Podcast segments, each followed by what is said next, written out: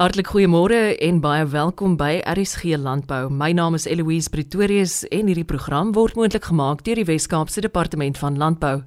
Direkteur van Navorsing en Beskerming by Bosbou Suid-Afrika, Dr. Ronald Heath, verduidelik van die sake wat tydens hulle onlangse algemene jaarvergadering geopper is. Hy bespreek die pad vorentoe en deel goeie nuus rakende oplossings om beerdkrag die hoof te bied. Ja, Louise, ons algemene jaarvergadering is vir ons 'n baie baie belangrike geleentheid waar ons kans kry om met van ons lede, al die persone wat op ons komitees dien en natuurlik almal van die staatsdepartemente en en ander instansies waarmee ons werk, die jaar wat verby is te vier, die suksese te vier en te kyk na wat vir ons voorlê. En ek dink dit 2022 was 'n baie uitdagende jaar vir ons sektor maar deur ons samewerking, die enigheid en dan baie harde werk deur almal, dink ek het ons baie baie goed gedoen in 2022. Dit is net terugkyk na 2022 toe was vir eerstens die die, die Transnet stakings wat ons gesien het, het ons sektor ongelooflik negatief beïnvloed. En dan het probleme meer met spoorvervoer en hawens, natuurlik die elektris, uh, elektrisiteit en energie tekort en uitdagings wat ons gesien het, het ons sektor baie negatief ehm um, affekteer. Maar weet gelukkig met ons as 'n sektor baie goed geplaas is nou in in in strukture en samewerking met die regering soos die presidensiële privaat sektor groei inisiatief as ook ehm, 'n um, paar ander presidensiële taakspanne wat ons opverteenwoordig word nou deur ons uitvoerende direkteur meneer Mike Pieter. Ons is regtig goed geplaas gees om baie van die uitdagings baie vinnig aan te spreek en ondersteuning van die staat te kry om dit 'n verskil te maak dat hierdie probleme wat ons in 22 2022 gesien het, nie dieselfde impak op ons sektor gehad het as wat COVID gehad het nie. Want van hulle nuus wat ons gedoen het, het gewys dat van die gebeurtenisse laas jaar kon op ons ekonomiese groei van ons sektor baie meer op baie erger negatiewe effekte gehad het as wat COVID gehad het. So ons is baie baie bly dat ons aan die einde van 2022 2022 gaan terugkyk op 'n baie goeie en suksesvolle jaar vir ons sektor. Uitstekend. Ronald, wat van die pad vorentoe? Ag, die pad vorentoe lyk baie goed vir ons. Ehm um, ons is by uitkyk maar vir die internasionale ekonomiese resessie wat almal op die oomblik nog na kyk uh, en voorspel vir hier einde Augustus, Oktober se kant.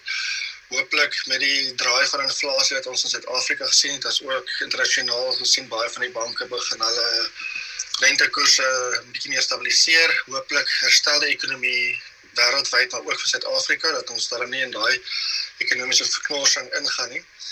Ehm um, maar buiten dit, ons sektor meesterplan het uiteindelik in 2020 'n bietjie traksie gekry. Waar ons gesien het dat staatsplantasies uiteindelik geaksepteer word vir bestuur deur die private sektor en in 'n klomp gevalle samewerking tussen die private sektor en die gemeenskappe wat daai staatsgrond gaan oorneem en weer produktief maak. Dit daar kyk ons na net in die Weskaap alleen wat klaar geadverteer is. Dit is omtrent 24000 hektaar.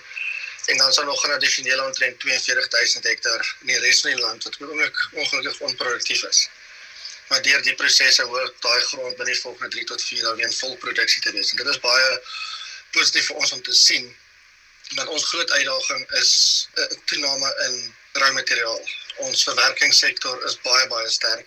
Die markte lyk goed, maar ons het meer rou materiaal nodig. So hierdie verwikkelinge lyk baie baie goed. Dan ook gedurende ons algemene jaarvergadering het ons twee uitmuntende sprekers gehad. Die ene wat eers was meneer Chris Helling wat gepraat het oor um, die energiekrisis. Natuurlik is hy 'n kenner op die veld. En al het hy gewaarsku dat ons nog nie op die onderste kurwe van ons um, krag uitdagings vir energie uitdagings is nie. Ehm um, het hy voorspel dat ons miskien nog 'n paar slegte tye voor ons sien waarna hy sal afplat en dan verbeter. Maar hy sê definitief verbetering is op die horison en ek sal 'n bietjie meer daaroor nou noem. Wat vir my baie waardevol was van wat Chris vir ons aangebied het gedurende die vergadering is dat ons hoor gereeld van dat ons miskien kan sien na totale ineenstorting van die energiestelsel.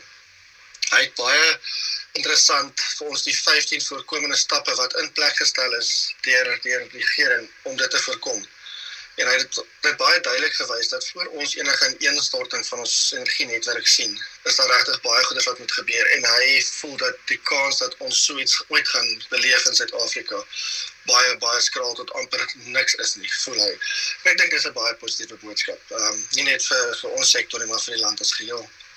Die ander spreker wat enigiemand wat hom al gesien praat het in die vorige het is meer JP Landman Soos gewoonlik was sy praatjie ongelooflik informatief, maar ook baie vermaaklik.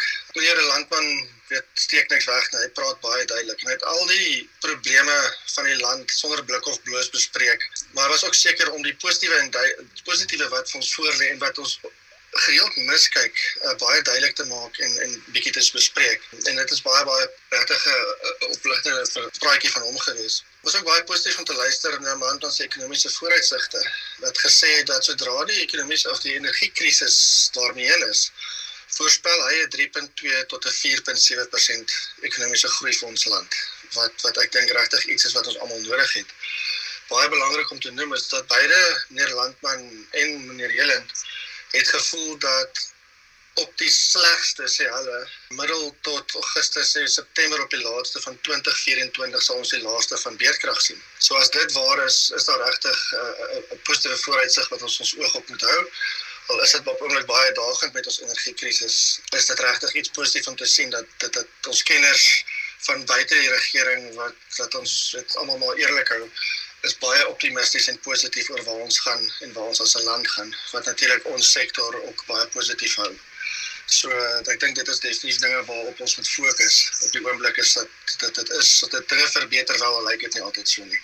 Ek wonder in terme van bosbou, wat is van die dinge wat veral vir jou prioriteit gaan wees vir die volgende paar maande? Ja, vir ons is bosbou oomblik bly die die die uitdagings wat ons as 'n sektor maar ook landbou mee sukkel is die infrastruktuur.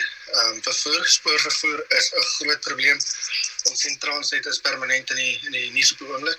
Maar spoorvervoer is iets wat ons baie negatief beïnvloed. Uh, nie net dat ons nie die volumes kan uitvoer of by versekeringsaanlegte kry wat ons wil nie, maar dit het in sekere areas het dit amper 20% verhoging in vervoerkoste gelei en jy kan dink wat se impak dit het op jou opbrengste as 'n sektor in totaal waar ons regtig groot verliese gesien het laas jaar of verlaging in volumes wat geproduseer is is totaal al gevolg as van ons infrastruktuur tekortkominge. Natuurlik lei dit dan ook na ons hawens toe. Ehm um, daar's groot probleme daar. Gelukkig het die private sektor nou al nou 'n samewerking met die regering gekry waar hulle ons nou toelaat en hulle praat ek van die regering. Laat private sektor nou toe om half van die um, tekortkominge aan te spreek met beleggings en selfs in areas weet bestuur die, private sektor van die plekke en is verantwoordelik vir onderhoud. So daar's dan 'n samewerking, maar daai infrastruktuur tekortkominge is nog steeds 'n groot probleem en natuurlik die energiekrisis bly vir ons 'n probleem vir bosbou en sulks en die groei van bome nie, maar definitief vir die hele produksiestelsel waar ons sien dat ons saagmeulens of papiermeulens, die meubelfabrieke met sonder krag kan ons nie hout verwerk nie. So die markte vir die rou materiaal ongelukkig is in 'n risikoposisie as ons nie energie krisis dan oplos nie. En dan natuurlik wat almal binnekort oor gaan begin gesels is die voorskrif voorspellings dat ons binnekort teen teen einde Augustus vroeg September gaan ons oorgaan van 'n La Niña na El Niño toe. En natuurlik wat voorspel baie lae reën, baie hoë temperature vir die volgende 3 jaar seker dat ons in met die voorspellings op oomblik sê En natuurlik is dit maar altyd 'n probleem vir enige produseerder van wat wat plante en bome groei is die tekort van reën. Soos nou gesien het die laaste 2 weke met sneeu in Johannesburg. Die linie wys vir ons droogte maar ook verhoging in ekstreme gevalle soos reën, wind en dan natuurlik te, die temperature wat beteken ons kan weer 'n aantal hittegolwe in die volgende jaar uh, verwag en dit is ook iets wat ongelukkig het ons nie kan beheer nie maar wat ons sektor in sekere areas baie negatief beïnvloed en moet ons oogie na ophou. Werkskepping is een van die belangrikste temas wat ek graag wil aanpak op RSG landbou. Wat op hierdie stadium is jou boodskap aan die voornemende nuwe toetreder?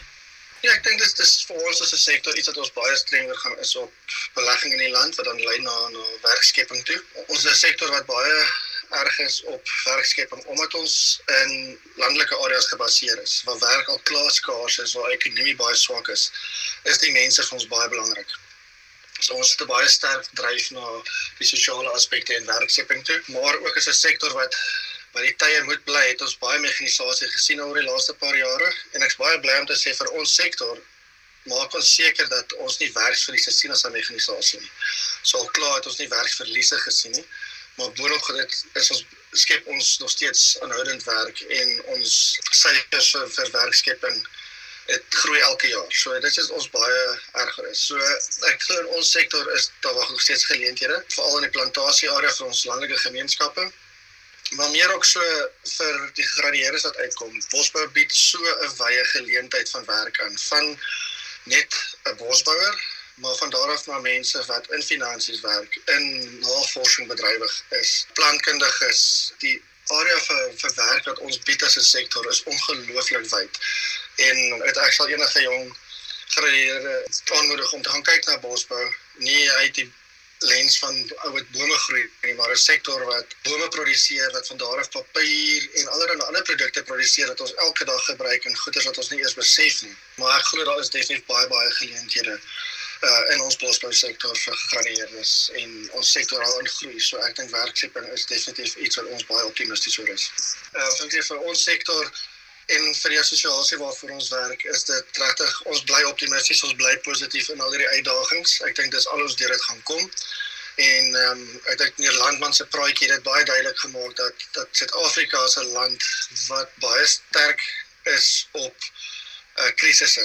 En as ons nie 'n krisis het nie, groei ons teen teen en daar's baie bewys daarvan en wat ons land as COVID gedoen het. Dink ek soos al baie keer in die media ver gerapporteer is, het, het baie van die wêreld na ons gekyk. Ons regtig 'n land wat kan bymekaar staan en enige krisis kan aanspreek en deur dit werk en ek dink ons moet daai houding hou as Suid-Afrikaners en as 'n bosbou sektor doen ons dit definitief en ons wys ons groei en ons gaan aan, ons gaan vorentoe en ons bly positief. En ek dink soos ek sê in ons sektor kry ons dit net reg deur samewerking, enigheid en ek dink ehm um, daar's regtig goeie ding op die horison vir Suid-Afrika. Ons gaan net nie van ons probleme uitsorteer en dan van daar af net weer vorentoe groei. So ek sien uit na die volgende jaar en wat hierdie jaar vir ons gaan aanbied en dan die toekoms daarna. So gesels direkteur van navorsing en beskerming by Bosbou Suid-Afrika, Dr. Ronald Heath. Die Skog Boeredag vind vanjaar plaas op 24 Augustus by die Langgewens Navorsingsplaas. Gert Konradi is senior navorser by die Wes-Kaapse Departement Landbou. Hy sluit by ons aan met besonderhede omtrent die geleentheid. Ons kog Boeredag is verjaar op 24 eh, Augustus en ons trek weg met registrasie. Dit is vanaf 08:30 by die konferensielokaal hier op Langgewens Navorsingsplaas en ons gee vir julle daar 'n bietjie koffie en beskuit en jy kry ook daar 'n saamdraaggids met kaartjies vir verversings en so aan. Ons tema vir verjaar is baie interessant, dis plant, bemes, spuit en wy en ehm um, ons het so 'n bietjie afgewyk van die ou tradisionele manier van boere daar en ehm um, die produsente is welkom om by die verskillende lesings tyd af te staan en hulle het eintlik 'n keuse. Nou daar is 20 aanbiedingspunte wat 5 keer herhaal word. Daar is 'n kaart beskikbaar voor die tyd waar die produsente dan gaan kan gaan kyk wat se proewe hulle in belangstel en op watter tye word die lesings herhaal. Soos ons gesê het, jy ja, kan by die punte vertoef want die kundiges is daar. Dit is nie noodwendig te sê dat dit nou net spesifiek oor daai onderwerp gaan nie. En ehm uh, ja, die ander belangrike punt is ook om dan net daar is nie nou vragmotors wat vir julle na die proewe toe neem nie. Die idee is ons hou alles op skog. En as julle vir my op my selfoon wil kontak, is julle meer as welkom. My nommer is 074 603 7240. Gert vir die mense wat nou nie seker is nie, waarvoor staan skog? Skog staan vir Swartland Kleingraan Ontwikkelingsgroep. Dit sluit nie net kontantgewasse in nie. Daar is byvoorbeeld proewe wat daar diere ook oploop. Gert Konradi is senior navorser by die Wes-Kaapse Departement Landbou. Onthou gerus van jaar se Skogboeredag vind plaas op 24 Augustus by die Langgewens Navorsingsplaas. Volgende wil ek graag 'n storie met jou deel waaroor ons as Suid-Afrikaners beslis kan spog. Die grootste graanstoor ter wêreld staan nou in Wesselsbron in die Vrystaat. Die graanstoor is deel van 'n familieonderneming en staan langs LFC Meule. Kobus van der Linde is produksiebestuurder by LFC Meule. Hy verduidelik hoe boere in die omgewing bevorder is sedert die bekendstelling van die agthoekige struktuur in April vanjaar. LFC Meule is 'n familiebesigheid, 'n mieliemeule wat mielies maal en mieliemeel maak in Wesselsbron in die Vrystaat en ons het die behoefte om kwaliteit wit mielies op te berg wat ons self verbruik en vermaal en daai het die behoefte toe nou bestaan om die silo te bou sodat ons mielies by ons op die perseel kan opberg om te vermaal. Kobus praat met my oor vanjaar se mielieoes. Wat is die verwagting? Vanjaar se mielieoes lyk regtig uitstekend. Die mielies lyk baie goed. Die kwaliteit van die mielies lyk ook baie goed hierdie jaar, baie beter as verlede jaar. Uh baie mooi wit mielies, graad 1 wat ons ingekry het hierdie jaar. Die opbrengste van die mielies was ook baie goed geweest. Baie van die produsente het hoër opbrengste gestroop as verwag.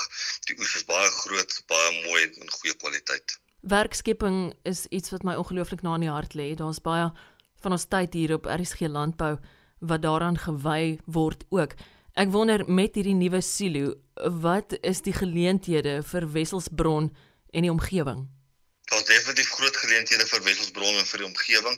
Dit skep 'n plek vir die produsente wat mielies produseer hier in ons omgewing in Wesselsbron om hulle mielies te kan lewer by die silo, om hulle mielies te kan opberg by die silo. En natuurlik, soos enige iets waar mens iets nuuts en innoverend skep, het mens ook mense nodig om mens te help om dit te bedryf en om dit te onderhou. So daardeur skep ons ook 'n klomp werk vir mense in die omgewing in die platteland en in Wesselsbron.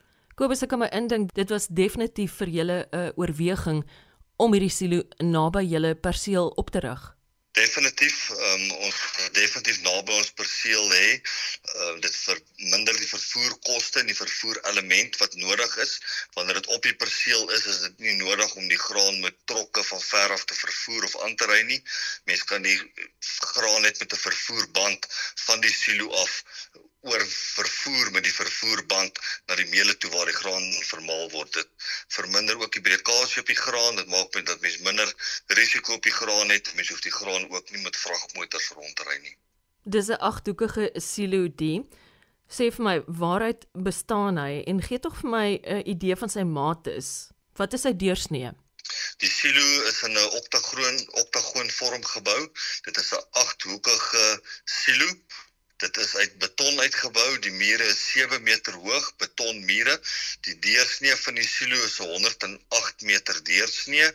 Die hoogste punt van die silo is 35 meter of 12 verdiepings hoog en die vloeroppervlakte wat dit beslaan is 9770 vierkante meter. 1 hektaar is 10000 vierkante meter, so dis net kort van 'n hektaar wat onderdak uh vloeroppervlakte is. Die oprigting van hierdie silo was uiteraard ook baie voordelig vir boere. Die oprigting van die silo is baie voordelig vir produsente in die omgewing. Produsente kan nou hulle graan direk by die meule lewer. Hulle kan die graan lewer direk by die verbruiker van hulle graan, direk by die meule wat hulle graan gaan vermaal. Hulle hoef nie hulle graan aan 'n ander silo of op 'n ander plek te lewer of te verkoop van waar dit dan weer na die verbruiker, die die meulenaar wat die by die graan vermaal, weer heen of aangery te word nie. Hulle kan dit direk by die meule lewer waar ons die graan dan vermaal. Enige Suid-Afrikaner het 'n baie goeie idee van die staande silo's wat 'n mens sien as jy deur ons land reis. Ek wonder hoe is hierdie betrokke een anders? Die silo is in beginsel maar net dieselfde as 'n uh, groot hoë staan silo. Al verskil is sy deursnee is net nie so klein en sy hoogte is net nie so hoog soos die alombekende silo's wat mense in die platteland sien nie. Die silo is net platter en hy is net wyer. Hy is uh, meer soos 'n groot dam as wat dit soos 'n uh, klein hoë ronde tank is. In beginsel dieselfde, die kante is ook van beton gebou, 7.5 meter hoog. Hy het 'n staan dak op, dit is 'n staal uh, kapstrukture met 'n sinkdak bo-op. Die hoogste punt is 35 meter hoog, so dit is net 'n platter, wyer, ronder struktuur as wat dit 'n smaller, hoër struktuur is. Kobus, ek is nou baie nuuskierig. Kan 'n mens met 'n voertuig ook daar binne rondry? Natuurlik ja, dis amper 'n hektaar onder die dak. Uh, mens kan 150 vragmotors binne in die struktuur binne in die silo parkeer sou mens wou, maar die silo het 'n plat vloer aan die binnekant. Die vloer het 'n spesiaal plat laat maak sodat mens ook in die afseisoentyd iets anders binne in die silo kan doen. Mens kan iets daar opberg, iets daar binne stoor, mens kan daar binne ry of ander goeder ook daar binne doen net om grond daar binne op te berg. Kan ek my troue daar kom hou? Jy kan natuurlik jou troue kom hou en 'n lekker groot dans. wie is die ingenieur saam met wie jy 'n glasie vonkel gedrink het toe hierdie projek afgehandel is? Die ingenieur wat ons gebruik is is van Gelderblom Consult. Dit is Hendrik Gelderblom, die ingenieur wat ons bygestaan het en ons gehelp het en wat met saam met ons met hierdie idee vorendag gekom en hierdie idee ontwikkel het wat die ontwerp gedoen het en gesorg het dat ons dit kan daarstel. Was koste-effektiwiteit 'n faktor en iets wat jy in gedagte gehou het met die oprigting hiervan om dan ook te keer dat daar nie vorentoe met die waarde en die gehalte van die silo sou inmeng nie. Definitief uh, koste-effektiwiteit was een van die groot rolspelers toe ons die besluit geneem het om hierdie silo te bou. Uh ons het koste-effektiwiteit op twee verskillende vlakke. Op die eerste vlak was die boukoste van die silo natuurlik baie goedkoper geweest as 'n tradisionele hoë staan silo dis dit is ook natuurlik baie meer koste-effektief omdat mense dit ook vir meer doele kan gebruik as om net graan daar binne te stoor.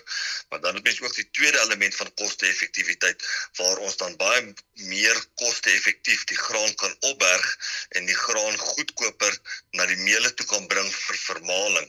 Ons het minder breekasie op die graan, ons het minder skade op die graan en ons het die graan reg langs die meule op die perseel waar dit vermaal word wat ook 'n groot kostebesparing vir ons het. Sê my Kobus, die situasie in Oos-Europa raak dit julle op hierdie stadium? Natuurlik, dit uh, raak die hele wêreld, dit raak die hele land, dit raak voedsel oral in die wêreld. Afrika het uh, stapelvoedsel soos rys en mielies en koring net so nodig wat ons dit in Suid-Afrika het. Dit beïnvloed die graanpryse reg oor die wêreld, dit beïnvloed ook die graanpryse hier in Suid-Afrika. Dit laat natuurlik die graanpryse die hoogte inskiet. Dit is baie goed dat ons hoër graanpryse het, baie goed vir vir die produsente wat meer vir hulle graan kan ontvang, maar aan die ander kant moet die verbruiker wat die voedsel verbruik dit ook weer kan bekostig en kan betaal en wanneer dit te duur word kan die verbruiker dit nie bekostig nie. LFC Meule in Wesselsbron in die Vrystaat is 'n familiebesigheid wat my persoonlik as landboujoernalis al vir baie jare na aan die hart lê. Wat ek jou nou gaan vra, weet ek is 'n baie wyeer gesprek. Dalk net baie kortliks. Julle is 'n suksesvolle familiebesigheid en familieboerdery. Elkeen van julle speel nou julle sterk kante en bring wat julle kan en waarvan julle baie hou en oor passievol is na die tafel. Wat sou jy sê is julle sleutel tot sukses? baie deursettingsvermoë en uh, uithou en aanhou en nie gaan lê nie. Ja, natuurlik, dit is nie so maklik om in vandag se ekonomiese omstandighede besigheid te doen nie. Ons is baie gelukkig dat ons 'n uh, familie kan wees wat kan saamwerk, 'n familie waar elkeen sy eie ding kan doen en waar elkeen sy eie sterkpunte kan uitoefen. Maar as uh, Suid-Afrikaners is ons maar net so gebore. Ons is gebore om uit te hou en aan te hou en om by al die probleme en in al die hekkies by te kyk en oplossings vir alles te vind, nuwe oplossings te vind en dan ook in die proses innoverend te wees, innoverend te wees en dinge op ander maniere te doen. Ons het dit nog altyd so gedoen en ons sal nog altyd aanhou om dit so te doen. En ons is baie trots daarop. Kobus, ek en jy is dit eens, sowel jy weet ons rolle in landbou beduidend anders is. Ek maak stories oor mense soos jy. Wat is dit op hierdie stadium wat jou werklik waar inspireer oor landbou in Suid-Afrika? Iets wat jy dalk rondom die verantwoordelikheid van die landbouer met die res van ons luisteraars wil deel. Ja, definitief Louise, landbou is vir ons uiters belangrik uh, vir ons land. Landbou is 'n sentrale gedeelte van die land se ekonomie en dit is natuurlik ook daarom voedsel te verskaf vir almal in Suid-Afrika en ook vir die res van Afrika, vir die hele suiderlike Afrika. Dit is vir ons belangrik en dit is vir ons baie belangrik ook om te sorg dat landbou goed funksioneer, dat dit ekonomies volhoubaar is, dat dit winsgewend kan vol, kan funksioneer en dat produsente kan aanhou produseer en dat die fabrieke kan aanhou om voedsel te vervaardig en voort te gaan om vir die kosmandjie van Afrika voedsel te verskaf. Kobus sê ek is 'n produsent en ek wil baie graag meer uitvind oor die nuwe silo van julle daar in Wesselsbron. Waar kan ek meer lees of waar kan ek die gesprek verder voer? Is daar dalk iemand met wie ek kan kontak maak? Ja, definitief. Kom besoek ons gerus by LFC Meule in Wesselsbron of skakel ons gerus by 057 899 Kobus van der Linde is produksiebestuurder by LFC Meule. En op daardie 12 verdieping hoogtepunt groet ek eers, jy het pas geluister na RSG Landbou. Hierdie program is beskikbaar op www.elsenburg.com. Ek is Eloise Pretorius en ek groet tot ons volgende afspraak môre om 12:15.